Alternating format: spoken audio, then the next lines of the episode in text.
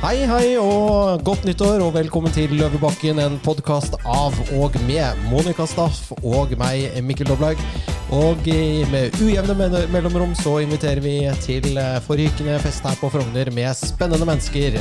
Og i dag skal vi bli kjent med en veldig spennende dame.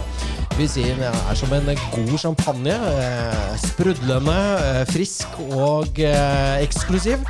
Eh, Men før vi går løs på denne sprudlende og eksklusive gjesten, så er vi selvfølgelig i nyttår. Og deg, Monica, har det gått bra med julefeiring og syv slag og ribbefett og, og barn og alt som er i huset, og oppvask osv.? Ja, vet du hva? Det har gått veldig bra. For det første så innledet vi julen med en liten tilskudd i familien. Ja! babys. Gratulerer! Yes, thank you. Det er ikke din. Det er ikke min, det er min datters. Ja, din datters. Ja. ja. Så koselig, jeg var med på fødsel, og det var stas. ja. Var det morsomt å se det fra den siden? jeg på å si? Uh, jeg vet ikke hvor du får morsomt fra, men eh, Er det, er, sånn det er interessant. Det er, inter- det er mye skriking og greier. Mikkel har selvfølgelig aldri vært med på en fødsel. Nei. Bortsett fra sin egen. Men ja, den var dramatisk nok eh, for seg selv. Var den? Ja, ja, ja, veldig dramatisk. Jeg husker ingenting av det. Nei, Jeg har fortrengt alt sammen. Ja, men jeg regner med at du har fått det fortalt. Ja, ja, ja det var eh, nydelig. Visstnok. Ja. ja, men du var i Tyskland, så du spiste jo kaviar og drakk champagne på julaften. ja. Vi andre hadde pinnekjøtt. Pinnekjøtt. Ja. Jeg introduserte dem for pinnekjøtt også. Ja, du tok Eh, med det ned. det likte de. Stemmer det. Eller kanskje de bare sa de likte det for å være Grei. greie. Ja, eh, kjørt eh, 1600 km, så nå må jeg stoppe setet i bilen. For det har blitt sånn eh, dump i den etter å ha sittet, eh, sittet i den i flere dager. Eh, Det lukter vel ikke så godt, eller? eh, Nei, det, det, det var mye styr, og hadde med hundene ned. Um, 2022 har jo vært et litt sånn drittår med krig, og det har vært mye, mye, mye rart. Og det, Det endte jo, krig. Det er fortsatt krig. Endte jo veldig trist med en eh, podkastgjest vi hadde her. Eh, Podkast nummer 29, tror jeg det var. Shabana Rehman gikk bort. Ja. Dessverre. Veldig, veldig trist. Og vi har jo fulgt med henne et års tid, hvordan hun har kjempet mot kreft. Ja, hun Ja. fikk vel diagnosen i februar Ja. i fjor. ja. Da Så hadde det er eh, allerede spredning, så Ja. Så det er litt sånn lyse fred over hennes minne. Mm. Men øhm, og ja, og barnebarn, og eh, julen gikk bra for deg også. Fikk du noen fine presanger, eller har du Nei, altså jeg kjøpte jo litt til meg selv, da. Ja, det er sånn jeg også gjør. Funker når man ikke har mann lenger. ikke sant? Så må Ja. jeg liksom tenke på hva ville han kjøpt meg? Ja, Antagelig denne Dior-vesken. ja ikke sant? Så veldig bra. Men Uh, Nei, øh, da, jeg fikk jo noen gaver av barna sånn, da. Veldig, veldig mye hyggelig. Så fint. Kurv til sykkelen min og sånn. Der skjønner viktig. du at du har blitt gammel kjerring. Altså. Ja, da skal legge den eh. Men uh, apropos, uh, apropos alt jeg på å si, du har jo da foreslått Du, du, du, har, du har sagt vi må starte året med et pang, ikke sant? for nå må vi bare sette standarden her. Og da har du invitert en venninne av deg, kan jeg si det? Vi, vi er i hvert Det er fall venninner. Ja, Ja, får det ser med veldig sånn, da. sier det, da. Og for de som lurer, da, så er det altså Marianne Jemtgård vi skal her, som da er DJ, forfatter, reporter, motespa... Hva er det hun ikke er? Moteekspert. Moteekspert. Er jeg ikke moteekspert? Hva er det hun ikke er? Nei, hun er ikke er. Hun Ja. er moteekspert. Hva er det hun ikke er? Eller, altså, det var et retorisk Jeg vet ikke hva det heter for noen negasjonsspørsmål, men ja, Ja. Velkommen. Tusen takk! Du, for en introduksjon. Jeg, og jeg, jeg eh, blir veldig beæret hvis jeg kan få lov å være venninnen din. Hvis vi kan liksom gjøre det offisielt nå. Ja, men da sier vi det sånn. Vi Ja. er gode venninner. Vi er Skål. gode. Skål. Skål. Skål og skam for den som ikke. Ja. Men um, det eh, jeg faktisk har lurt litt på, det er kanskje det aller dummeste man kan lure på i hele verden, men jeg er veldig interessert i navn. Og Jemtegård, Ja! det er ikke sånn helt A4 etternavn. Nei, Hvor jeg er kommer det stolt fra? av det. Vi, jeg, jeg er jo sunnmøring. Sunnmøring fra Valldalen, jordbærbygda. Norges juvel. Glem Geiranger. Det er Valldal det egentlig handler om når du er på Vestlandet. Nydelig sted. Eh, Der ligger Jemtegården. Eh, Og der er min mor født. Så ja. Så det er på morssida. Det er eh, Jemtegård. Så det er din, din mors navn. Det er det. Jeg, Jeg jeg har- tenkte sånn Jemtgård. Jeg var jo liksom på Ja, Jämtland var og litt- Sverige og liksom Men det er ikke så feil, på grunn av det at uh, slektsfaren min er Jon Jamt fra Jämtland. Ah. eh, som flytta til Norge, eller, eller ble jagd over til Norge, kanskje. Mest sannsynlig. Eh, og var en av de siste faktisk som ble hengt på torget i Bergen. Uh, Oi. Ja. Eh, Bergen, Bergen igjen etter Ja. bergensere. Skal Bare mas. Visstnok. Ja, altså, vi har i hundrevis av år hatt et hat mot Bergen i familien min. Dette er jo helt vilt. Det er ganske dramatisk familiehistorie. Det var visstnok fordi han ikke ville betale uh, skatt til, uh, til danskekongen. Um, Det holder jeg med han i. Ja, det liker det, er veldig, det liker vi. det, så ingenting har endret seg der opp gjennom blir, vi blir i hvert fall ikke hengt i dag, da, hvis vi ikke betaler til eh, Bare public ja. shaming. Public Det er shaming. nesten like ille. Det, er det. Er faktisk Faktisk. Ja, men altså Jamt fra Jämtland og til Sunnmøre. Ja. Ja. Ja. Og, det, og det forklarer jo litt av saken, fordi at eh, det som er imponerende da med denne damen vi har hos oss i dag, er at hun har nemlig gjort en business av seg selv. Mhm. Altså, du startet vel som DJ? Nei, start, eh, altså, startet som journalist, egentlig. Sånn, det var det du- jeg har du tenkte gått at i jeg skulle Volda? bli. Ja, ikke gått i Volda, ikke i Oslo. Ja. Du i Oslo, det, er- Eh, for ja. det skjønner vi, for du er, du er ikke helt skada, liksom. Og jeg slutta underveis, for jeg hadde så mye jobb å gjøre. Og jeg tenkte journalistikk er jo et håndverk, først og fremst. Så når jeg, hadde- jeg hadde så mye jobb at jeg tenkte sånn, jeg har ikke tid til å drive og studere mer. Um, og etter det så har jeg egentlig bare jobba og jobba og jobba. Og jobba. Og så har jeg sånn kronisk sånn vanskelighet for å si nei til alt mulig som dukker opp. Så da, da ender det opp med å gå i veldig mange forskjellige retninger. Da. Så DJ-jobbingen kom egentlig en del år etter at jeg hadde begynt å jobbe som først journalist, og så redaktør. Og så ble det magasinet som jeg da var redaktør for på Egmont, det ble lagt ned. Det var sånn under eh, Ja, litt sånn etter Twin Towers eh, og sånn type ting. Det var liksom litt sånn eh, nedgang, kan man si, i det økonomiske markedet. Så da la de ned ganske mange titler. Hvilket magasin var det? Eh, Inside het det. Inside. Mm, dette var et uh, jenteblad som ble lansert samtidig med et annet blad som også het Mag. Så det var Mag og ja, Inside, Inside, ja. som var sånne litt sånn eh, yngre versjoner av eh, det nye. Kanskje litt sånn frekkere, litt frekkere tekster på eh, coveret. Sånn, ikke helt Starlet. Det er star, liksom, Nei, nei, nei, nei, nei, altså, nei. Liksom, Ikke Tuppen og Lillemor, ikke Ja, Starlet. men litt opp fra eh, Starlet. Ikke KK. ikke Sånn KK, som mellom Starlet og KK. Rett mellom der.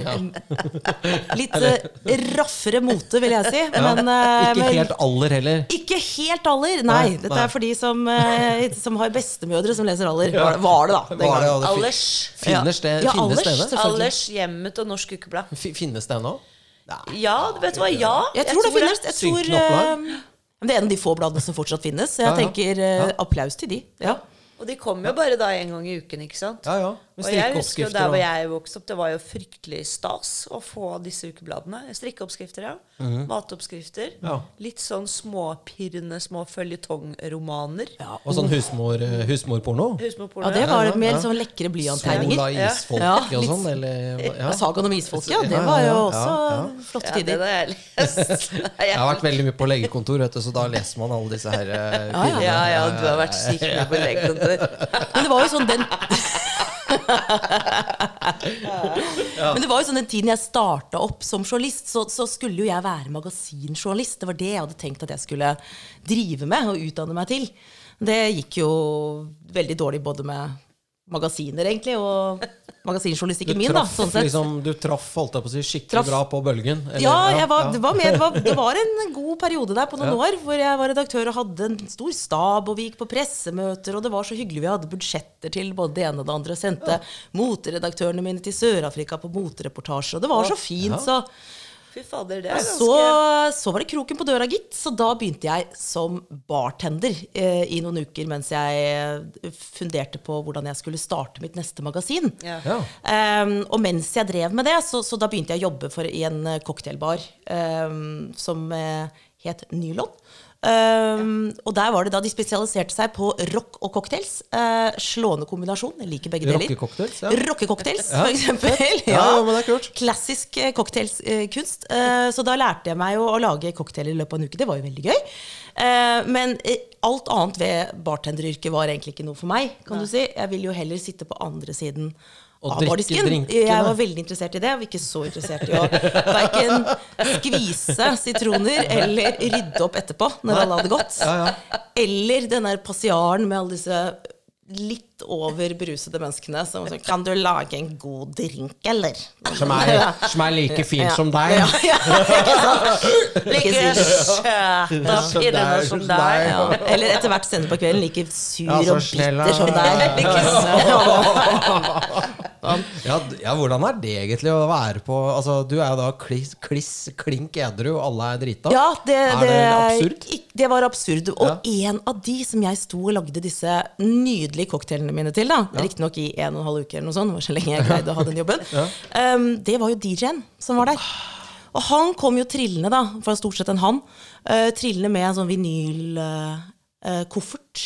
og kom liksom sånn fem minutter før åpningstid og liksom dro opp dit og snek en liten sånn lapp bort til meg med sånn fire cocktailer han kunne tenke seg i løpet av de neste to timene. Ja. Og så sto han og spilte musikken sin og koste seg, mens jeg bare liksom jobba gulvet. Og jeg følte på en eller annen måte under, altså Det er ikke jeg veldig god i matte, men jeg følte at vi tjente omtrent like mye penger. I løpet av den kvelden så tenkte jeg at det her er jo bare tull. Jeg er jo musikkjournalist. Jeg har jo mye større eh, musikkmappe enn han er der. Så Ja. da begynte jeg å stå der når det ikke var noen andre på jobb. Okay. Så, så da lærte jeg meg utstyret og kunne stå og tulle litt da, i, eh, i baren der og kose meg som DJ. Og så en dag så kom det en kar inn som satt i baren og hørte på, og så sa han «Å, kult, er du, er du så kul musikk, jobber du som DJ? Jeg sa ja, det gjør jeg i dag. Det gjør jeg. Det, har jeg, det gjør jeg. Så flott, kan ikke du komme innom eh, kontoret mitt? Og så dro jeg opp, og det var da Playroom. Og da øh, var det ikke så mange ukene før jeg sto og spilte på Petter Stordalen sin 16. mai-fest. Og så Fett. begynte ballen å rulle. ikke sant? Og så, Jeg har aldri hatt noe management eller den type ting der på DJ-ingen. Det har alltid bare vært Jeg vil ha jobber fra folk som har sett meg spille, for da vet de hva de får. Og du Ja, rett og slett. Men har du eh, DJ, liksom DJ Ecstasy, eller heter det noe sånn DJ Jammed DJ Jamt Base Bass? Nei. sånn Nei. Men jeg kjenner jo nå at jeg kanskje burde Altså Nå var det DJ Ecstasy var kanskje kult. Het du det? Ja, nei, jeg gjør det. Heter ikke det. MDMA? Nei. Hadde fått så mye bookinger via TikTok. Sinnssykt. har du DJ-navn? Et artistnavn? Nei, DJ Marianne. Um, DJM. Ja, Ja. DJ Ja. Ja. Nei, nei, men jeg hadde jo faktisk Fordi samtidig med at jeg starta med DJ-inga, så starta jo det magasinet som jeg begynte å jobbe med når jeg begynte som eh, bartender. Uh, og det het uh, Vixen. Um, det starta da. Er det Vixen Awards og sånn, eller? Ja, det var det starta jeg. Ja. Hæ? Ja! Altså, dette er helt rått. Altså, hva jeg ikke vet. Ja, altså, jeg altså vet sånn- ingenting. jeg er så glad vi har en hel time. Ja, det er Ja. helt fantastisk. Du er jo DJ Wixen! Så jeg var DJ Miss Vixen en stund. ja, ja. Men eh, så begynte jo jeg å etter hvert reise litt internasjonalt og sånn. Ja. Eh, og dette ble et problem egentlig både for magasinet mitt, som jeg var redaktør for da, og meg som DJ. Fordi Vixen eh, har litt andre assosiasjoner rundt omkring eh, i eh, verden enn det det har her i Norge. Hva- hva og jeg forklarte i Norge så er det jo It's a female fox. It's a litt, litt sånn conniving ah. woman. Det Ja. er litt sånn, litt sånn, det er litt sånn ballsy dame. Ja. Fin ballsy dame. Ja.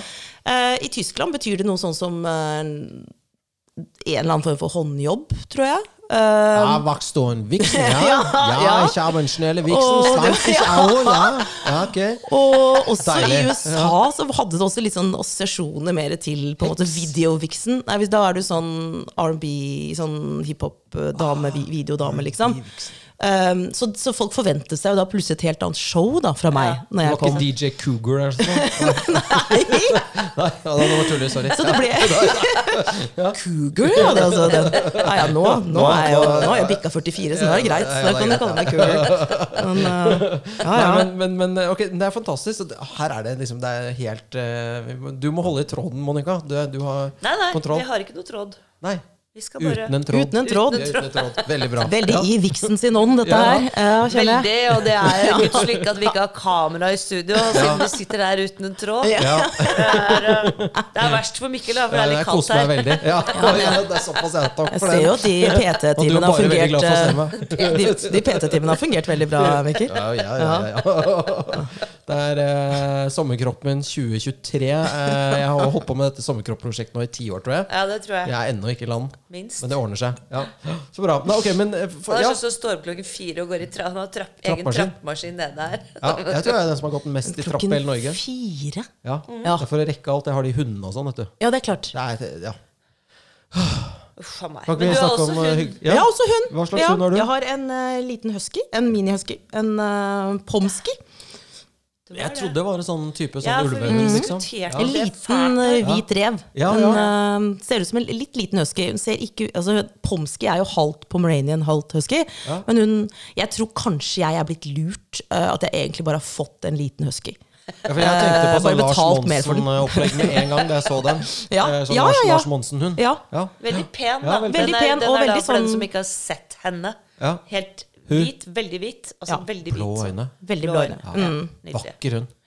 Veldig Og veldig, veldig snill og søt. Veldig Ja. snill og søt. Den heter Luna. Luna. Måne? Ja, skulle Månestråle. egentlig hete Siggy, hadde jeg tenkt.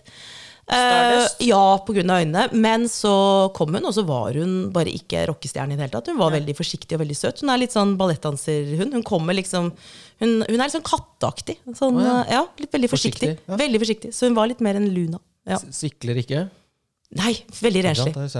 Jeg har feil type hund. eh, Ikke i det hele tatt. Nei, så jeg sorry. Kommer en liten sånn Liten. Rosa glittersky Ja, ja. Ja, ja. Det er alltid de der bikkjene til Mikkel. Altså. Gud, vi er ganske sende dem på rommet her i stad. Ja, ja, det begynte å svi i øynene. Det var jo sennepsgass. si. Ja, men eh, tilbake til Vixen og DJ, uh, Ja. DJ Life. DJ, ja. Ja. Ja, så du reiste da rundt til Det gråse Ausland? Da, det, det, rundt omkring overalt. Men det er jo sånn Via eh, Playroom, da? Eller for Nei, for alle mulige forskjellig. Uh, jeg har jo så aldri hatt ett management eller sånn ett hjem. Jeg trives jo best uh, med å være selvstendig. Det har jeg alltid gjort i alle jobber. Jeg, Hvem hvem er det som sender fakturaene dine, da? Jeg sender mine egne fakturaer. Det er jo det minste problemet. Er å sende, jeg sender ut fakturaene. Det er ikke alltid jeg husker å følge de opp hvis jeg ikke får betalt. Det er det. Der er jeg litt sånn dårlig. Så jeg har vært mer glad i å jobbe enn å egentlig kanskje sånn passe på økonomien min alltid.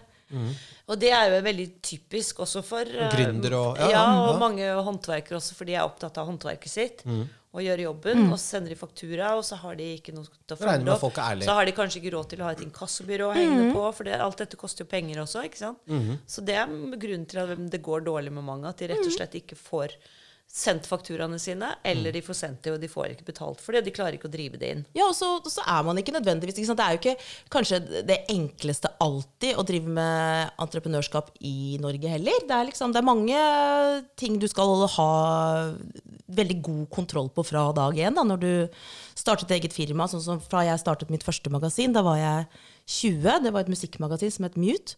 Og det startet jeg jo hjemme som et enkeltpersonforetak. ikke sant? Og så hadde jeg jo da trykkeriregninger på flere hundre tusen som kom hjem til meg i postkassa. ikke sant? Og da hadde jo jeg ikke noe sikkerhetsnett. ja, ja. Eller, Nei, nei. så var det bare så jeg, skulle bare, da, jeg måtte jo selge inn nok annonser selv og passe på at disse plateselskapene faktisk betalte disse annonsene. Og hvis ikke de gjorde det, så var, det jeg som var i deep shit. Men, ikke sant? Så du, du, du har ikke nødvendigvis den, den nettverket rundt deg eller liksom den know-howen til å vite hva som er en smart måte å organisere deg på da, i tidlig alder. Så det gikk på noen smeller der, uten at det gikk sånn altfor gærent. Men jeg tror bare det kunne gått så mye bedre hvis jeg hadde eh, tenkt litt mer på de tingene som var litt mer kjedelig å tenke på òg. Ja. Og det er gjerne Ja, men det er, man er kreativ også. Tri- så trippeltex. trippel- Ja, jo, jo og, og, liksom, Regnskapsprogrammet TrippelTex er lurt. Trippeltex. Ja. Er det Og sponsa TrippelTex, dette her? Jeg har hørt det navnet nevnt før også på og podkasten. Vår sponsor er Trippeltex. De er veldig veldig glad i TrippelTex. De, jeg fikk faen meg regning fra det i dag, altså, så jeg føler meg ikke spesielt Så ikke, ikke fiken, altså. Det er ikke sånn Det er ikke så Det er masse forskjellige fiken. Det er masse og- forskjellige. altså, Jeg tror noen er liksom mer bransjespesifikke også. Ja. Sånn som er tilpasset da Ja, ja, ja. bransjen sånn i forhold til hvordan man bokfører og sånn. Ja, tror jeg da. Jeg, jeg er ikke så veldig god på de tingene der selv. Jeg, Det altså. er først nå, i en alder av 44, eller da, da jeg var 43 nå, at jeg fikk meg Marianne Jemtegård AS. Og fram til det Oi. så har jeg hatt mitt Bare eget gjøgla. Jeg har vært enkeltpersonforetak, og så har jeg, hatt, har jeg starta andre AS-er sammen med mennesker. Så vi har jo drevet, drevet det, og det går fint, liksom. Men det å, å faktisk ha sitt eget AS og passe på det, liksom, det var først nå. Så man lærer, da. Ja, ja. Det er jo veldig bra, da, for da kan du liksom bare makse kredittgrensen og slå Nei, bare kødder. Ja, det skal jeg lære. Fortell mer. Men ok, men, men, eh, ok, så da var det Du, eh, du var jeg, jeg er litt sånn starstruck. Jeg er Vixen, liksom. Kan vi komme inn i Vixen og bli Vixen Awards? Selvfølgelig, dere. Bli, Ja, ja. Jeg er viksen Vixen vi Awards, du er litt keen sånn på en influ- sånn Jeg blir, vil bli influenser, jeg også. Ja, men det, det syns jeg du bør eh, bli. Ja, du synes jeg bør bli ja, ja, det. ja, det, det. Vi må ha mer mangfold blant influensere i Norge. Vi trenger flere influensere. Det er synd at ikke alle er influensere. Det er nesten alle, men er- ikke fullt alle. Så alle bør Er det være en beskyttet yrkestittel, tror du? På ingen måte. Nei, så vi kan bli det? Ja, ja, du kan bli det. Du er jo allerede litt det her på, på Frogner, er du ikke det? Jo, jo, veldig. Ja. Liksom med bil og hund, og du har liksom de riktige tingene, og alle bare ser opp til liksom Christian Mikkel Doblaug, og han har den fete bilen, og Så du er liksom Frogner-influencer. Bilene, ja. Nei, ja, bilene, Ja. Nei, men jeg tar aldri bilde av sånne ting. Ta bare bilde av hundene. Og gress og sånn. Jeg vil Men- mye heller er være liksom de konsul enn influenser, liksom. Jeg Det er mye, det er mye kulere. Men jeg Ja. kan jo starte for eksempel, en sånn blogg som heter for Hvis jeg gifter meg en dag, så blir hun konsulfrue.no. ikke Ja. Jeg skal sinnapappa.no. Jeg skal være sånn derre Faen! Bæsja på seg igjen! Skifta jo bleie akkurat, jo for f- Ikke sant? Sånn.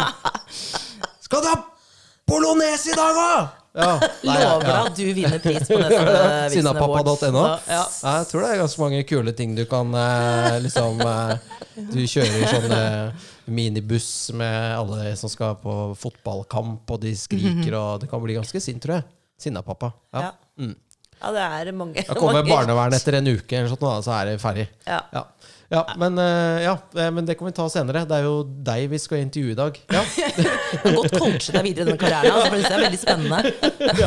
Kanskje jeg skal starte management? Ja. vet du nå. Ja, det tror kanskje kan være noe, ja. Ja, det kan du gjort. Bare for influensere fra liksom voksne influensere fra Oslo vest. Voksne som pusher 50. Litt Ja. sånn eh, med som begynner å få litt lite hår Ja. i på Sinna og forbigått. Må- Ja, sinna forbigått, ja. Desillusjonert. Fullstendig desillusjonert. Kommer på byen og bare Oi, her var det veldig mye Du er eldst, ja. Ja, så er det bare sånn eh, Har du med deg pappaen din, liksom? Ikke sant? Sier de til kompisene. Jeg opplevde det i Hvorfor går. har du med deg pappaen din? Jeg var på? F6 i går.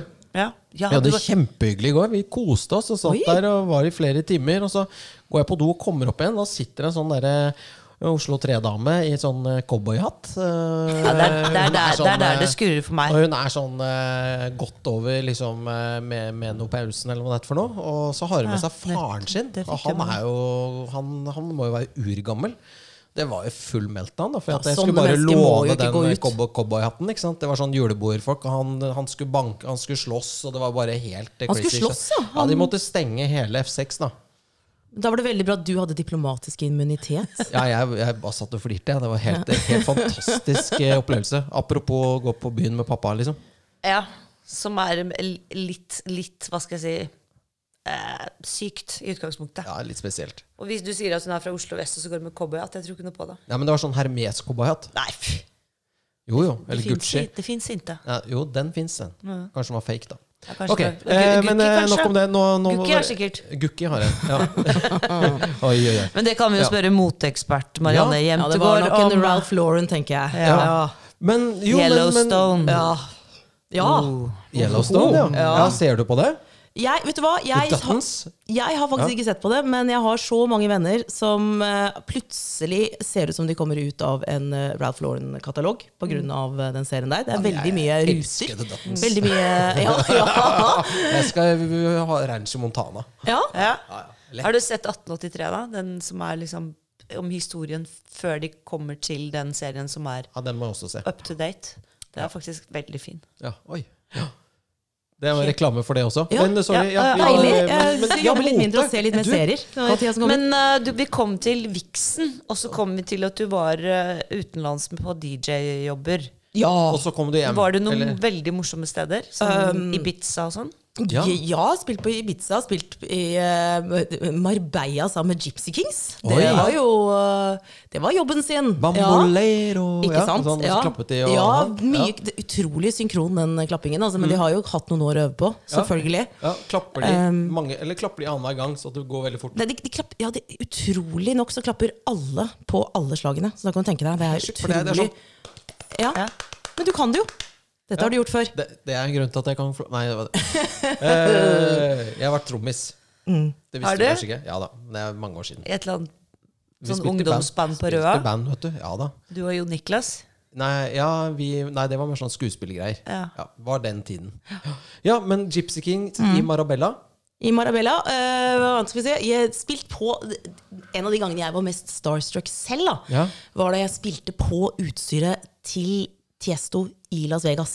Det er stort. På Hakkasan-klubben der. Og Tiesto. Tiesto er jo, han tror jeg, kanskje 2,5 meter høy. Eh, så jeg fikk da sånn bruskasse som jeg skulle stå på for å nå opp til, eh, til deksene hans. Mm. Og så hadde, hadde de sånne dansere som sto rundt omkring på podier, og det var, det var, det var veldig gøy. Det var veldig fett. Det var sure. morsomt. Ja. Men eh, Da, Hvor gammel var du da? Da var jeg ja, noen og tjue, begynnelsen av 20-åra. Ja. Men var det CD-spiller, var det kassettspiller, eller var det LP-plater? eller Nei, nei, nei, nei, nei. eh, Altså, da jeg begynte å spille, så var det? CD-er, men det slutta ganske fort. Altså. Så okay. var Det mye sånn, det var sånn blanding av CD-er og minnepinne. Og så ble, nå er det bare minnepinner og dataprogram. Og, ja. Ja. Nå er det mye lettere, men i begynnelsen så sto jeg og hadde sånn stor sånn CD-mappe. Mm. Uh, hvor jeg, brenn, jeg brente jo CD-er hele tiden, og så hadde jeg sånne der, um, små lapper. Sånn Post-It-lapper hvor jeg hadde skrevet opp tracklistingen på hver av det. Så hadde jeg sånn bitte liten Maglight. Mm. Så du lyste opp på den da, for å finne neste spor, hvilket nummer det var. Og så sto du liksom sånn frenetisk og slår på den der neste sang eh, for å finne riktig låt. da, ikke sant? Og Fin- i tide til spole, spole Ja. frem og sånn? Ja, ja, ja, Ja, ja. Så hører du den andre sangen begynner å bli ferdig. Sånn, nei, nei, nei, nei, nå rekker jeg det ikke. Men var det sånn du stoppet musikken og begynte å spille neste? Eller klarte du liksom å få de gå over i hverandre? Eh, sånn Jeg tror ikke du får spille på utstyret til Tiesto i Las Vegas liksom sånn klikk etter et lite øyeblikk, og så kommer neste låt. Ja. Nei, nei, det er ikke sånn. Det hadde vært helt nydelig i så fall. Det hadde vært helt nydelig. Ja, så du klarte and play, liksom det er en sånn egen teknikk Ja. som bare sånn, Det er retro, det kommer det tilbake. retro. Det kommer. Ja, det kommer tilbake. Just you wait. Men eh, nei, så, så etter det så har det jo Det har vært eh, rundt omkring overalt gjort masse morsomme ting, men så fikk jo det en veldig brå stopp under eh, korona, kan du si. da Så da fikk man jo tid til blant annet å ja, lage AS og sette seg inn i hva regnskapet er. og Litt sånne type ting da Men uh, det er jo veldig deilig at man er i gang igjen. Så nå er det jo Ja. fra med neste helg nå, så er det jo, nå er det jo spillejobber hver helg og masse reising og masse gøy. Ja. Ser du Ja, sorry. Ja, fordi at vi, du er jo også da Norges, hele Norges moteekspert på God morgen Norge. Og hvordan kom du inn på det? Eh, det var, skal vi se, for Først så var det jo egentlig musikk jeg skulle drive med. Det var det jeg skulle skrive om, og det er det som er min passion, egentlig. Um, så jeg startet jo musikkmagasin først, og drev det. Og da flyttet jeg også til eh, New York en periode. Så bodde jeg eh, i East Village der akkurat når The Strokes tok av, og det var liksom The New New York, som det het. Var det sånn, alle de kuleste artistene de var fra New York da, og jeg kunne være der og gjøre intervju med alle sammen og gå på konserter, og det var så gøy. Um, og så fløy jeg hjem da og hadde deadline på magasinet mitt. Uh, fløy utrolig mye, for det var man ikke så veldig bevisst noen, verken klima eller uh, ja, Nei, det er, ingenting tenk, på det er den sånn, tida der. Kan ikke vi komme tilbake til de tidene der? Det var mye hyggeligere. Det var sunt å røyke og Og det var lov til å røyke på fly. Ja, inne på diskoen og alt var bare deilig. Ja.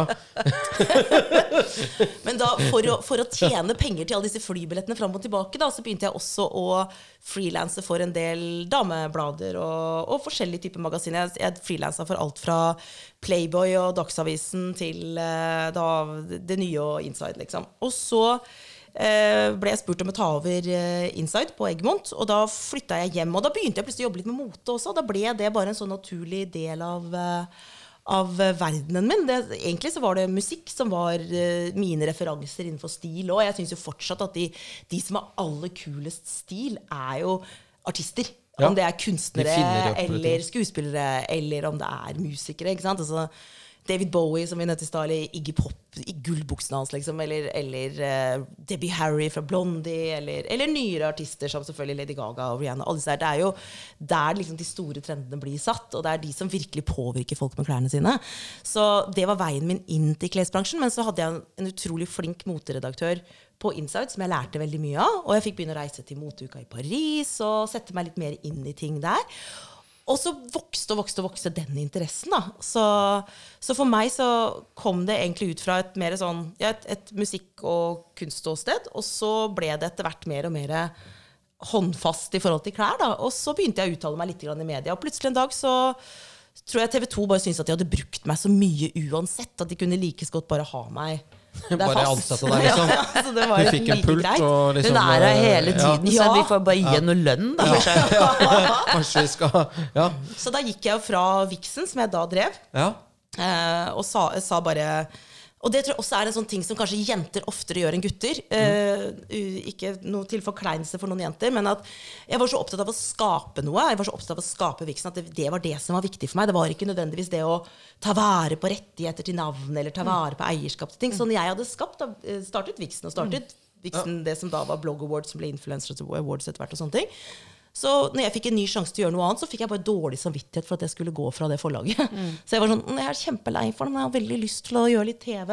Hvis jeg bare, dere bare får alt, går det greit om jeg går da? Og de bare, Ja, ja, ja, nei, to tomler opp for det, liksom. Kanskje du må gi oss ikke- 100 000 også? Ja, Ja. Nei takk til det. Altså. Ja. Så, og det tror jeg er litt sånn, sånn klassisk sånn, hvis du er litt sånn gründertype. da, At du alltid er, du er mer opptatt av å skape enn å ta vare på nødvendigvis framover. Ja. Men eh, det var starten på TV 2. Og så var jeg på, på God morgen Norge en eh, god stund. Først så var jeg ansatt der, og så uh, tror jeg liksom at igjen, jeg trives bedre når jeg får være fri.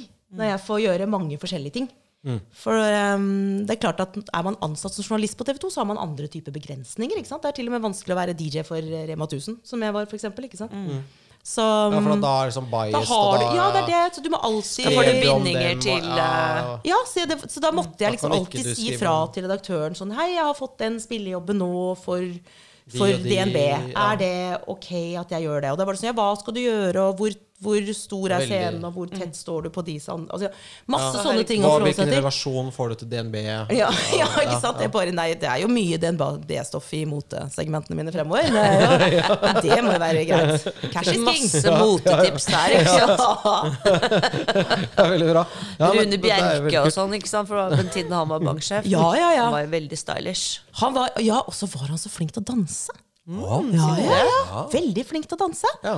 Så det, det DJ-et jo på sånn, åpningen av det, det bygget nede i Barcode. Vet du, Ja. Så sto jeg på taket der oppe, på den kantineløsningen der oppe. Fancy kantine.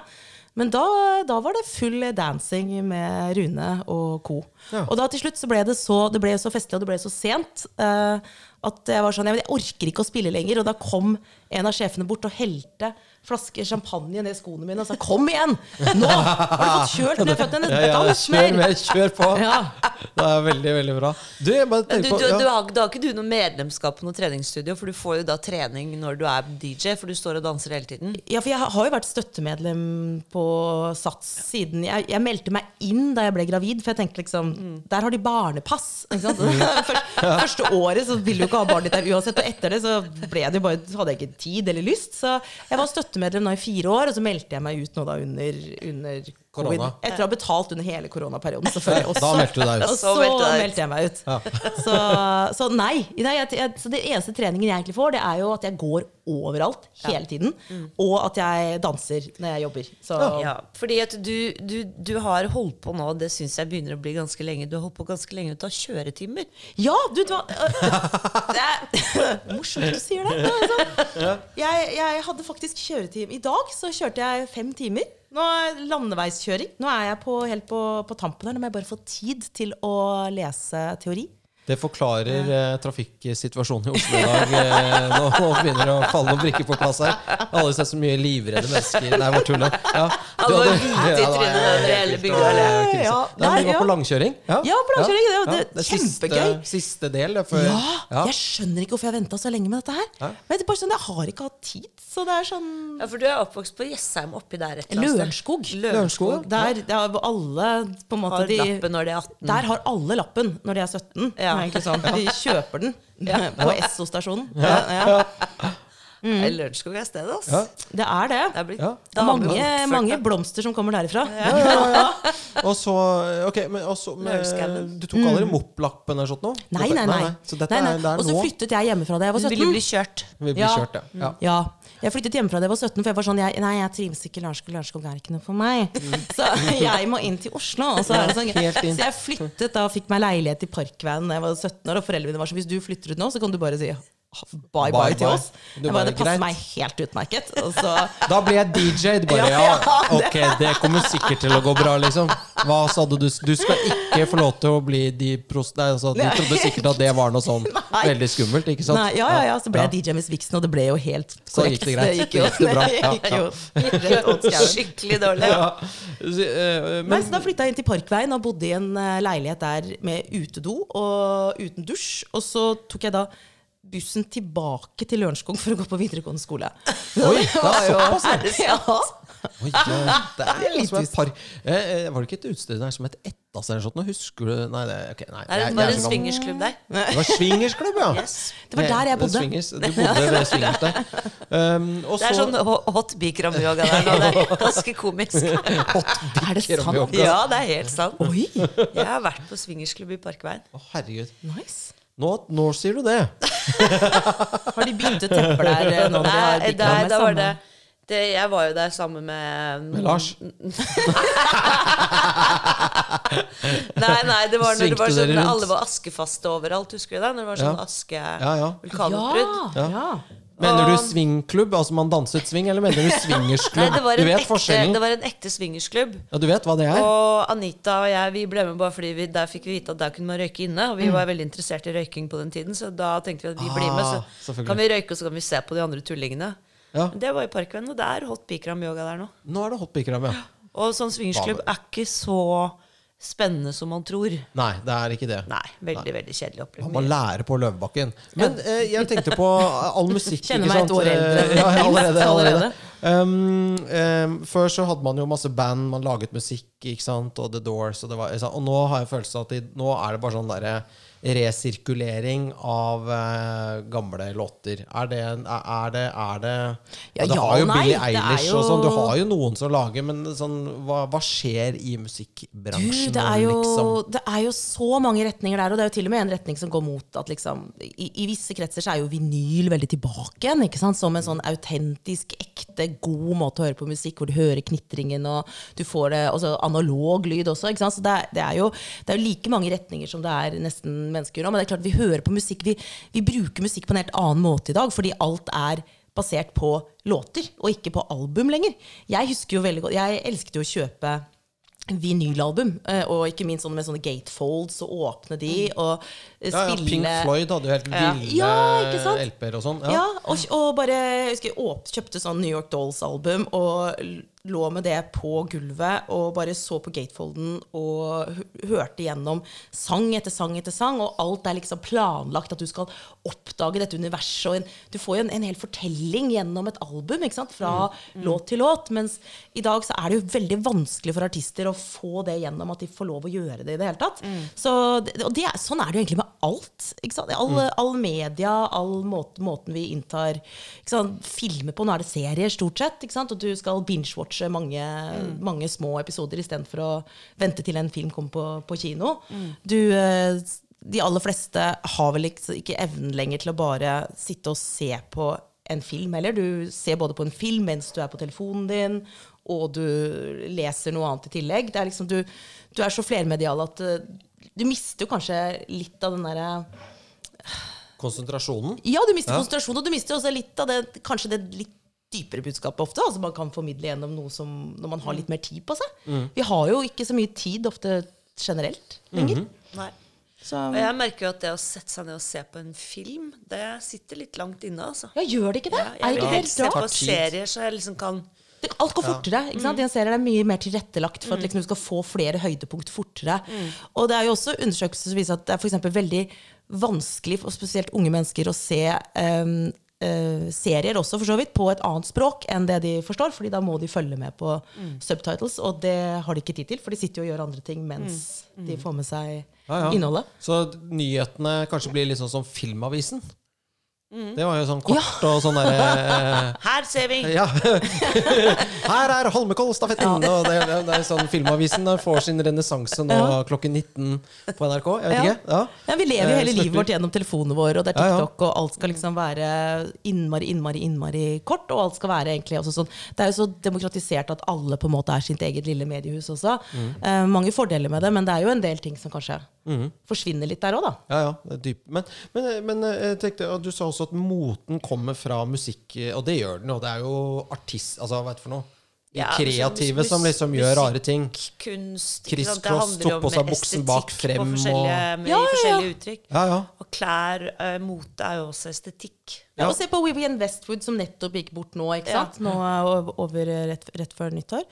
Og hvordan hun på en måte var eh, sammen med Malcolm McLaren, grunnleggeren av Sex Pistols, ikke sant? og startet hele den eh, litt sånn store punkbevegelsen. Det var, jo, det var jo punk i USA, det var punk i Eller ska og punk i London òg, men det var jo liksom hun som virkelig fikk eh, sikkerhetsnålene og naglebeltene til å bli trendy. Og, og, og også fikk det som er en ekstremt rebelsk og antiautoritær holdning til å bli spiselig for en hel generasjon med ungdommer. Liksom. Da endrer man jo hele verden rundt seg.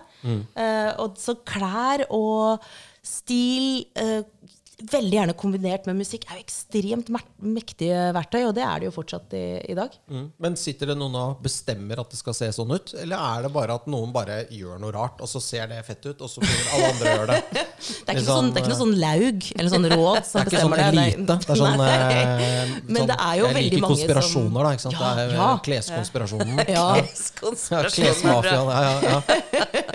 World Economic Forum. Nå skal vi lage noe som ingen har. Ja, alle skal gå i slengbukser. Yes. Ja. ja, det var, men altså litt sånn eh, det er det du som er ekspert, da? Ja, men Det er jo veldig sånn? mange som prøver selvfølgelig å være den som bestemmer hva som skal være den neste store. Men det er jo en, en, eh, et resultat av veldig mange små ting som henger sammen. Eh, Det som ikke er noe tvil, er jo at mote og politikk for eksempel, henger tett sammen også. Hva som skjer i resten av verden, påvirker hvordan vi ser på oss selv, hvordan vi ser på klærne våre, hva vi har lyst på også. Eh, Nå har man jo vært i en veldig sånn vond og usikker periode i flere år. Man, mm. man merker også det at man, veldig mange eh, kanskje søke litt mer mot nære verdier, mot noe som er, kjennes trygt, kjennes hjemme. litt sånn, Det er mer retro i stilene. Man snakker om noe som heter tactile dressing, som er en av de store trendene for året som kommer nå. Og det er egentlig altså, taktil bekledning. Berøringsvennlig bekledning. Litt sånn som du sitter i en, en kabelstrikka genser her. ikke sant? Ja, ja. Det er litt sånn, den er god å ta på, litt sånn myk, varm. Ikke sant? Det er jo noe som opprinnelig kommer fra eh, irske fiskerøyer, der konene strikket dette her til menn som skulle ut på sjøen for å holde seg ekstra varme og gode. Og på Sunnmøre. Og og ikke minst på Sunnmøre. Ikke minst på Sunnmøre, ja, ja. Den gang så strikket de jo av ja, De strikket jo av, eh, av eh, saueull som var ubehandla, så det fortsatt hadde fett og talgen fra sauen i, eh, i stoffet. slik at Det det var lukta litt rart. Og, Nei, men da holder det jo, isolerer det jo mye bedre. Exactly, det var jo Ja, nesten Mm. vannavstøtende. så det kommer inn nå? Men det altså- lukta selvfølgelig vondt òg, så de var jo ikke utro. Nei, Eh, det det, kan jo også hende at det hadde noe med det Jeg tror det var var helt annen aksept for lukt på den tiden. Der, Ja, ja det er nok Jeg tror det var mange som luktet lukt. ganske stramt. Det var mye lukt. Det var ikke så mye deo bading, dusjing to ganger om dagen. Nei, jeg, det, jeg tror det var mye som luktet, ass. Men det vil si at islandsgenseren i sånn Nivea-fett er på vei inn? Eller kanskje Ja, blir noe etter at vi har pratet pratet om det? sånn den, den mer sånn flettestrikken og den type gensere. Ja. Den har jo hatt mange renessanser. Den ble jo veldig trendy igjen på sånn 50-60-tallet med sånn Kennedyene som uh, brukte den når du var på seilbåttur. Uh, Ja, preppy- preppy style. Exactly. Ja, ja, og. Så du er jo liksom en del uh, irsk fisker, en del Kennedy, her du sitter. Ja, jeg, jeg har jo en sånn jeg, jeg prøver å være litt preppy, da. Jeg er jo ikke det. Men uh, jeg jeg er litt, litt sånn Det hender at du får det til. Hender at jeg får til. Men du er jo litt mer sånn Du, går, du er liksom litt mer sånn som lederhosen og sånn derre tysk, Tweed tysk og jakke. tysk jakke. og- Det er litt forskjellig. Jo, jeg har litt forskjellig har, litt- har det? litt forskjellig Det heter janker, faktisk. Janker, janker ja. Og sånn, ja. Litt forskjellig. Men jeg, altså, preppy kommer fra prep school. Altså fra, ja, fra så, så det er jo Det er Og det det er jo, ja. Ralf Lauren er jo en av de fremste Absolutt. ja, absolutt. Brooks Brothers og sånn. Ja. Ja. Men det er kanskje mest Ralf Lauren. Og Ralf Lauren er vel fra Er han ikke fra Ungarn? Ja, han er, han er på ingen måte WASP, som Nei. eh, White Anglo-Saxon Protestant, som egentlig man uh, skal være. Være. da. være ja. uh, men, men gjenoppfant seg da som Ralph Lauren og er jo blitt på en måte det selve kroneksempelet på hvordan du skal leve livet på en polert og eh, Upper East Side New York-måte. Ja. Polert. Ja, fortell om ja, Vi er jo nå midt inne i mote hva som skjer i 2023. 2023, ja. 2023. Ja. Det er sånn man sier i det norske selskap. Selskapet. selskapet. Uh, hva, hva- ja, ok, det var islandsgenser med Nivea-krem på. Fet, altså uvasket ull. Ja. Fett, Fett. naturlig. Eller Ja, ja, tak, er hvert fall greia? taktil bekledning. Det er i sånne ting som er eh, gode å ta på. Ting som, klær som nesten gir deg en klem, da. Er okay. eh, veldig, veldig i vinden. Ja. Eh, også det å dresse ned, ha mindre. Ikke sant? Generelt skalere ned. Tenke forbruk, eh, bærekraft og miljø. Alle disse tingene her som jo er blitt eh, helt nødvendig egentlig for alle, alle motehus. Man har sluttet med pels, man er eh, skeptisk til skinn, og man ønsker å liksom ta så mange som mulig av altså, både grønne og etisk forsvarlige valg i klesproduksjonen. Det er jo, altså, klesindustrien er, vel, er den andre eller tredje mest forurensende industrien i hele verden. Det, er jo, ja. det er jo et kjempeavtrykk som man etterlater seg både på mennesker og miljø, så, så noe må jo gjøres. Og ehm, en av de store trendene er jo det som da kalles for kapselgarderober. At du da du bygger opp en liten garderobe med kanskje sånn veldig gode plagg. Veldig helt perfekt fit på den, eh, den jakken, så den kjøper du i tre forskjellige farger, og så har du den. Og så har du kanskje de og de og de skjortene, tre, tre bukser, og så har du to gensere, og så er det det du trenger å ha hele den sesongen. Og så kan du selvfølgelig ikke sant, ha noe annet på sommeren enn på vinteren. Det er jo veldig praktisk, spesielt i Norge. men Det Less is more. Er, more, eh, ja. det er, eh, det er eh, viktig og riktig. Og så har du selvfølgelig Men, men moteindustrien er jo schizofren på samme måte som vi mennesker er det. Og det er jo forskjellige stiler til forskjellige behov. Hvis du vil gå helt den andre retningen, så er det jo veldig trendy med sånn tidlig 2000-tall. Så tenker sånn Britney Spears og Christina Aguilera angående sånn, sånn på den røde løperen eh, hvor Christina Aguilera gikk med sånne hun du sånne, sånne dreads? Og hun kalte seg X-Tina. Hun gikk med chaps, sånne cowboychaps ja, ja, ja, ja, ja. uten uh, shorts under. Uh, og magetopp. Det er mye magetopper. Mye Det er veldig mye magetopper. Jeg vet ikke om det var noen av dere som Det gjorde jo ikke jeg, for jeg liker jo ikke sport. Men om noen av dere så på Idrettsgallaen Nei, er du gal? Nei. Nei, takk. takk. Jeg Åh, jeg, jeg kjente det var, Var det noe i den atmosfæren i det rommet her som jeg likte veldig godt. Den det? har vært, og der var det uh, veldig de mye cutouts på kjolene til disse damene. Og hvis trenden har spredd seg til Idrettsgallaen sånn- Det er Så- liksom At noe du kunne liksom at du har et hull liksom, på Ja. siden. Eller Det kan være hull på siden, det kan være hull på ryggen, det kan være hull rundt navlen. Det kan være liksom, altså litt sånn odde måter å vise hud på, da, som Ja. ikke er den helt sånn standarden. Så uh, ikke like komfortabelt alltid i januarkulda, men uh, nå har de jo ikke så mye underhudsfett heller, disse idrettsutøverne. Så Nei, det var flere som klaga på at de frøys, faktisk. At det var litt Så- nippig der, ja. Ja. Men eh, kommer eh, eh, kom- Kjempeoverraskende Ja. Kommer liksom uh, allværsjakka fra Helly Hansen og, og sånne seilersko og sånn inn igjen, eller Den har det, jo det på vært vei? inne akkurat nå. Den er jo ute igjen. Det okay, det var jo Gorp Core. Altså Gorpcore er jo ute igjen. Så det er jo, Gorp Core? Ja, Nei, Det er jo, det er jo det, er, det står for noe sånn derre good old raisin and peanut mix eller et eller annet sånt, som er en sånn uh, turblanding, egentlig. Ikke sant? At det er, det er uh, ja, det kommer fra. Veldig mye ungdom går rundt i sånn turklær midt i Oslo. ja. ja. Det Ja. gjør det, ikke sant? Og det er jo egentlig en trend som kommer fra Seattle-området, og som da, hvor, hvor man har begynt å bruke veldig praktiske litt sånn eh, Gore-Tex-plagg og sporty plagg.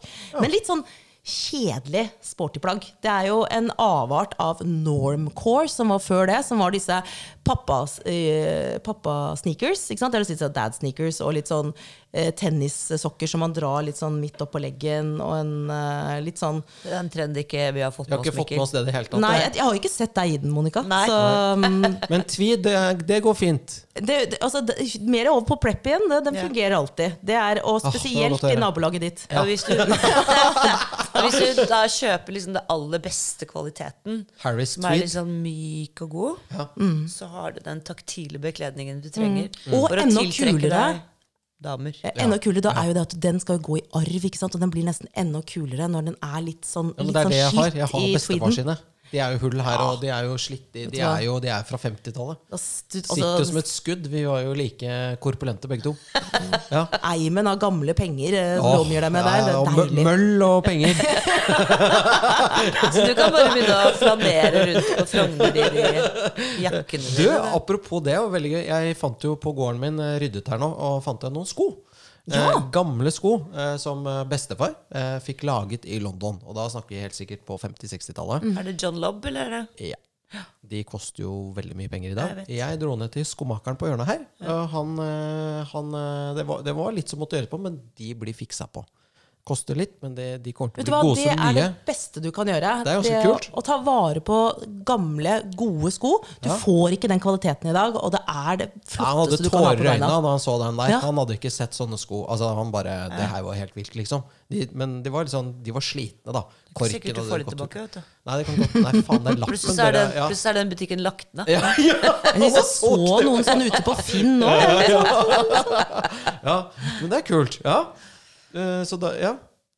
Ja, ja, altså John Lobb er veldig kjent for meg fordi at min, min mann han hadde veldig Han fikk sydd sånne sko? Ja, Ja. hadde to par. ja men, nettopp. Men du trenger bare to. Mm. For at de varer jo i 50 år. 60 år. Ja. Så det er mye bedre å kjøpe et par sånne enn å kjøpe joggesko joggesko annenhver måned. Jeg vet ikke hvor ofte Det man viktigste viktigste er at man lærer å ta vare på de tingene man har. For ting trenger, Du trenger nesten ikke egentlig å kjøpe veldig dyre ting hvis du bare tar godt vare på det du har. Mm. Men det er jo noe som ofte gjør sånn Jo billigere ting er, jo mindre tar folk vare på det. Fordi det, det er liksom enklere å bare kjøpe noe nytt istedenfor. Kjøp noe dritt på Sara, ja, og så bruker ja, du Ja, så bare bruker du tre ganger, og så kaster du det. Og det er jo det aller, aller, aller verste du kan gjøre. Så det å bare ta godt vare på tingene dine, liksom, vis til kjærlighet og omtanke, så, så ser du mye kulere ut også. Ja, hun Jenny Skavlan driver jo med det.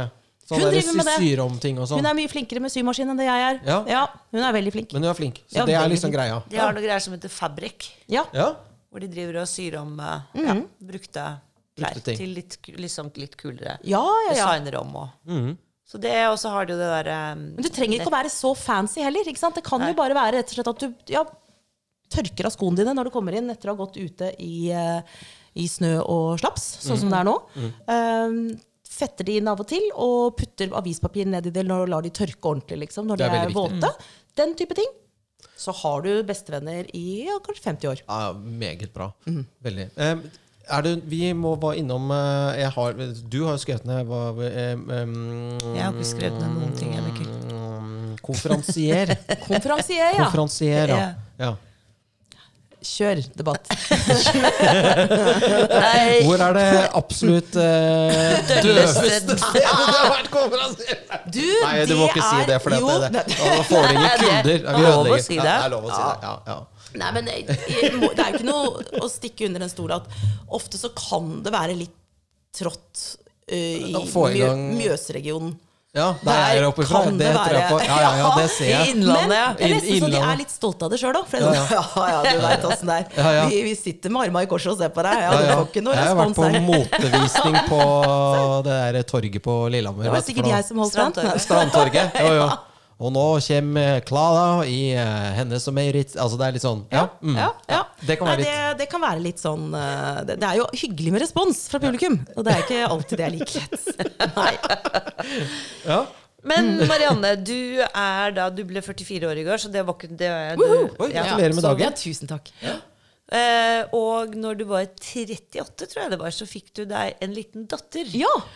Og som da self-employed, ja. og med baby, og etter hvert en pappa som ikke bor i Norge engang. Mm -hmm. Så hvordan får du alt dette til å henge i hop? Og hvordan var det å få en bitte liten baby når du Ja. har vært vant til å gjøre som du ville i så mange år? Ja, jeg hadde jo da vært nesten 40 år på jordkloden her og gjort ting på min egen måte. Og også ikke minst også jobbet sånn som passet, passet meg. Og det var egentlig nesten hele tiden. Sånn døgnet rundt. Det er jo derfor jeg syntes det var kjempegøy å DJ på natten og gå på God morgen Norge på morgenen og så Gå hjem og legge deg litt. Ja, eller skrive litt på dagtid. Og så, Ja. liksom, ja. Men plutselig så har du noe annet som styrer livet ditt helt fullstendig. En annen ting er det at Spesielt det første året så er det jo veldig mye du ikke kan gjøre. ikke sant? Så det, så det var jo litt sånn skremmende for meg å gå inn i noe som var helt ukjent, og vite også at jeg ikke hadde noen Jeg har jo ikke noe sikkerhetsnett eller noen andre som kan være Blir med du og syk, forsørge. så bare Ja, og jeg Du visste at hadde jeg liksom var ikke svangerskapspermisjon? Nei, nei, det hadde jeg ikke. Når Julia var seks uker gammel, så satt vi på sånn propellfly opp til Lofoten. Da var vi på spillejobb. Ja. Så det gikk kjempefint. Liksom, hun er med, og jeg pumpa litt, og så var hun sammen med pappa mens jeg var på scenen. Og så eh, på, sent på kvelden da jeg spilte på et bryllup der oppe, så måtte jeg til slutt slutte, for da var det sånn der dam av morsmelk rundt meg. da. Det liksom, sånn, sklei rundt i den. som sto der, så det var sånn, nå må jeg faktisk bare gå og legge meg. Um, Har det men, liksom eh, eh, blitt litt sånn eh, Du har blitt litt sånn uh, har det blitt sånn Best of Torbjørn Egener og sånn på dansegulvet i Kygo-versjon? Har du liksom kjørt den? Nei, men jeg tror jeg kanskje har kjørt grevling i taket en gang. Eller Ja, det det, sånt. Ja, ja, det har vært noe sånt. Ja, ja, ja, det, det kan Men, men da jeg ble gravid, jeg fant at jeg ble Og jeg ble liksom litt sånn redd for hva jeg skulle gjøre med alle scenejobbene og foredragene og de tingene der, så uh, satt jeg sammen med en kompis av meg og sa shit, nå er jeg Dette var jo ikke helt planen. Jeg skulle egentlig da lede noe sånn bryllupsmester og sånne ting, men da når vi regnet oss fram, så ville jo det være sånn omtrent akkurat rundt da jeg skulle føde. Og så satt vi og pratet litt, sånn ja, men Skulle ikke bare heller ta oss og arrangere messer for de som er gravide og skal få barn? Da? For det, var jo sånn, det, er jo, det finnes jo ikke i Norge. Ja, så, da, Ja. så da startet vi med det. Så da brukte jeg jo egentlig sånn Selvfølgelig startet du med det. Ja, ja, ja. Her var det ja, helt fantastisk. Ja. I den perioden der så er det sånn Du, det er jo, du er jo totalt nybegynner. Du kan ingenting. I hvert fall sånn som jeg. For jeg hadde jo på en måte missa hele det toget. Jeg var ikke interessert i barn egentlig da jeg var i begynnelsen av 30-årene. Mm. Så når vennene mine fikk barn, så var jeg litt sånn ja, snakkas. eh, Ja, fin kid. Jeg stikker nå, jeg. ja, ja, Veldig søt. Ja. Sånn. Kjempesøt. Um, så, så jeg var ikke med på hele den der runden der. Da plutselig så står jeg og er midt inni den babybobla. Da har jo vennene mine tenåringer, liksom. Så de var jo ikke interessert i dette her i det hele tatt heller. Så da er det jo på nett, og du prøver liksom å finne informasjon her og der, og du vil jo bare gjerne ha noen andre å snakke med noen andre og møte. Og så tenkte jeg ok, da lager jeg min egen arena for det, for det trenger jeg selv. Um, og det ble babymessen, da. Så da, da Julia var under ett år, så åpna vi babymessen på The Hub. Da var det liksom åpningshelgen til The Hub. Da Så da var det over 1000 gravide og småbarnsforeldre som rant ned døren der. Og så hadde de masse foredrag om sånne spennende ting som jeg var veldig interessert i da, som jeg ikke er interessert i nå i det hele tatt. Som er sånn uh, leggerutiner og amming og sånne ting. Sant? Du er jo inne i en sånn kjempeboble i to-tre år, og så trenger du en annen informasjon. Men det er jo uh, superviktig, syns jeg, at man kan samles og få god og riktig informasjon på en spennende og gøyal måte, og at man kan hylle det å faktisk gidde å få barn. For det er en stor uh, omveltning i livet for de aller, aller fleste. De vil jo gjerne at vi skal få flere barn, så mm, det å legge forholdene til rette for det syns jeg er Men, den finnes ennå, denne Den finnes ennå. ennå, Ja, så ja. Vi var jo så fornøyd vi hadde starta babymessen, og det gikk jo så det griner. Godt resultat. Vi var så happy første året. Og så begynte vi å planlegge for neste år, da. Som da var Da tenkte vi ja, men mars er et fint tidspunkt å ha det neste år. Ja, og da var det korona. Skal, skal vi ha det februar eller mars? Nei, vi tar det i mars. Mars er en fin måned. Ja. Så jobber vi med det et helt år og skal trykke på startknappen, og så er det bare sånn Det er veldig mye snakk om den der koronaen. Jeg lurer på om kanskje det kan være litt dumt. Og da kom jo koronaen bare. Og så Hadde dere hatt det i februar, så hadde dere så kunne vi hatt det, ja. Mm. Men da i mars så valgte vi da å ikke ha det, og dagen etter så stengte Oslo ned. Så det var jo Ja, det var like greit. Ja. Men Så har det blitt noe igjen etterpå? Ja, så da begynte Ja, ja, vi å lage det digitalt istedenfor. Så da begynte man jo bare å jobbe med det. Så da streama vi jo en hel messe og lagde masse webinnhold og lagde et uh, nettsamfunn som heter Hey Baby, som er da et sted hvor du kan få masse informasjon og, og være med på nyhetsbrev og sånne ting, type ting. Og snakke med jordmødre og alle eh, eksperter innenfor kvinnehelse. Fantastisk. Eh, ja. Dette har du ikke gitt fra deg? Nei, nei, nei. Og Ikke nå som viksen, for da Nei, jeg jeg ble jeg litt sånn bekymret. Nå har jeg lært. Ja, Ja, det nå gjør jeg det ikke igjen. Nå, nå tar jeg vare på babyene mine. Ja, og ellers så kan jeg ta det igjen, jeg, Ja, ja. Fantastisk. Eh, ja, og nå er det babymesse igjen i mars, så da er det liksom Det er eh, kjempegøy. Og da er det jo den eh, fysisk, og det gleder jeg meg veldig, veldig, veldig til. Er det sånn at dere også har liksom forskjellige typer barnevogner og smokk ja. og utstyr og sånn gøy? Ja, så vi burde ha en egen sånn seksjon også for, eh, for sånne litt sånn hotte vestkantbestemødre, tenker jeg. Sånn. Tjuvholmen-avdeling. Ja, ja, ja. Sånn. Så Litt utvalg fra Dior. ja. Ja. Veldig lite, så liten luksusavdeling.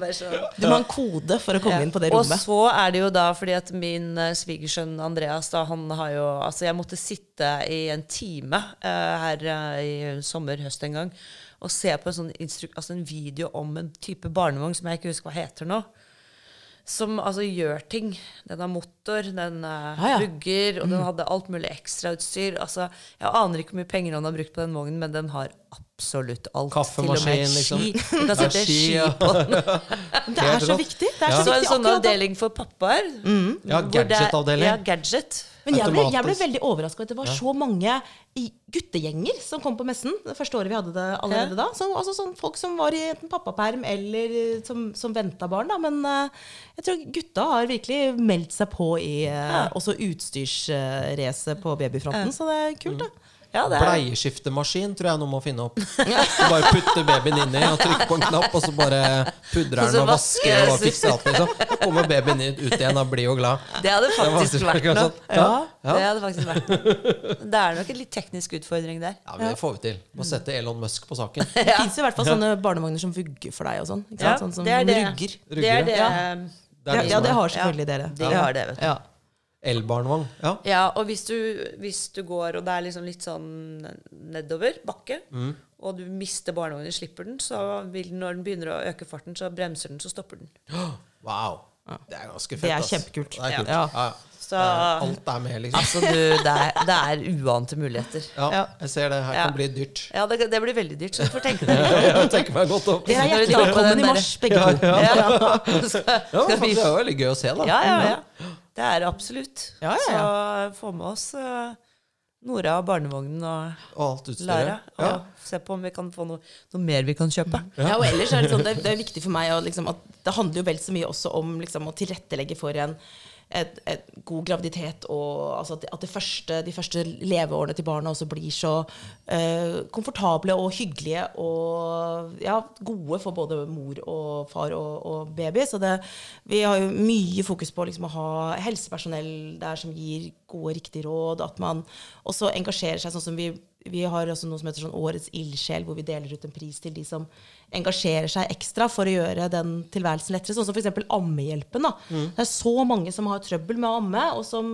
trenger et sted å få god informasjon. Og det er ikke alltid at helsestasjonen uh, gir de aller beste rådene, eller er tilgjengelig på samme måte. Så, så den, den jobben som Ammehjelpen gjør helt gratis, det er liksom bare rett og slett vanlige damer som bare bestemmer seg for at ja, ja, jeg syns bare at uh, hysteriske, nybakte mammaer skal kunne ringe meg til alle døgnets tider og spørre om alt som har med amming å gjøre.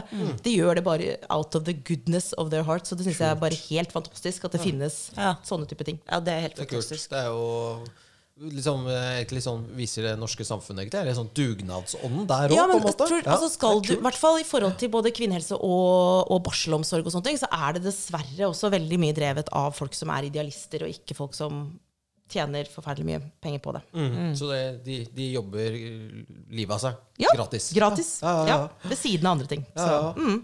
Ja, og apropos jobb og liv og alt dette her. Så når du jobber sånn for deg selv og er self-employed, og selvstendig næringsdrivende, har du tegnet deg en pensjonsforsikring? Hva tenker du liksom fremover? Jeg har jo liksom forskjellige sånne sparer i forskjellige fond og alt mulig sånne ting. da. Så jeg prøver å liksom plassere ting litt her og der.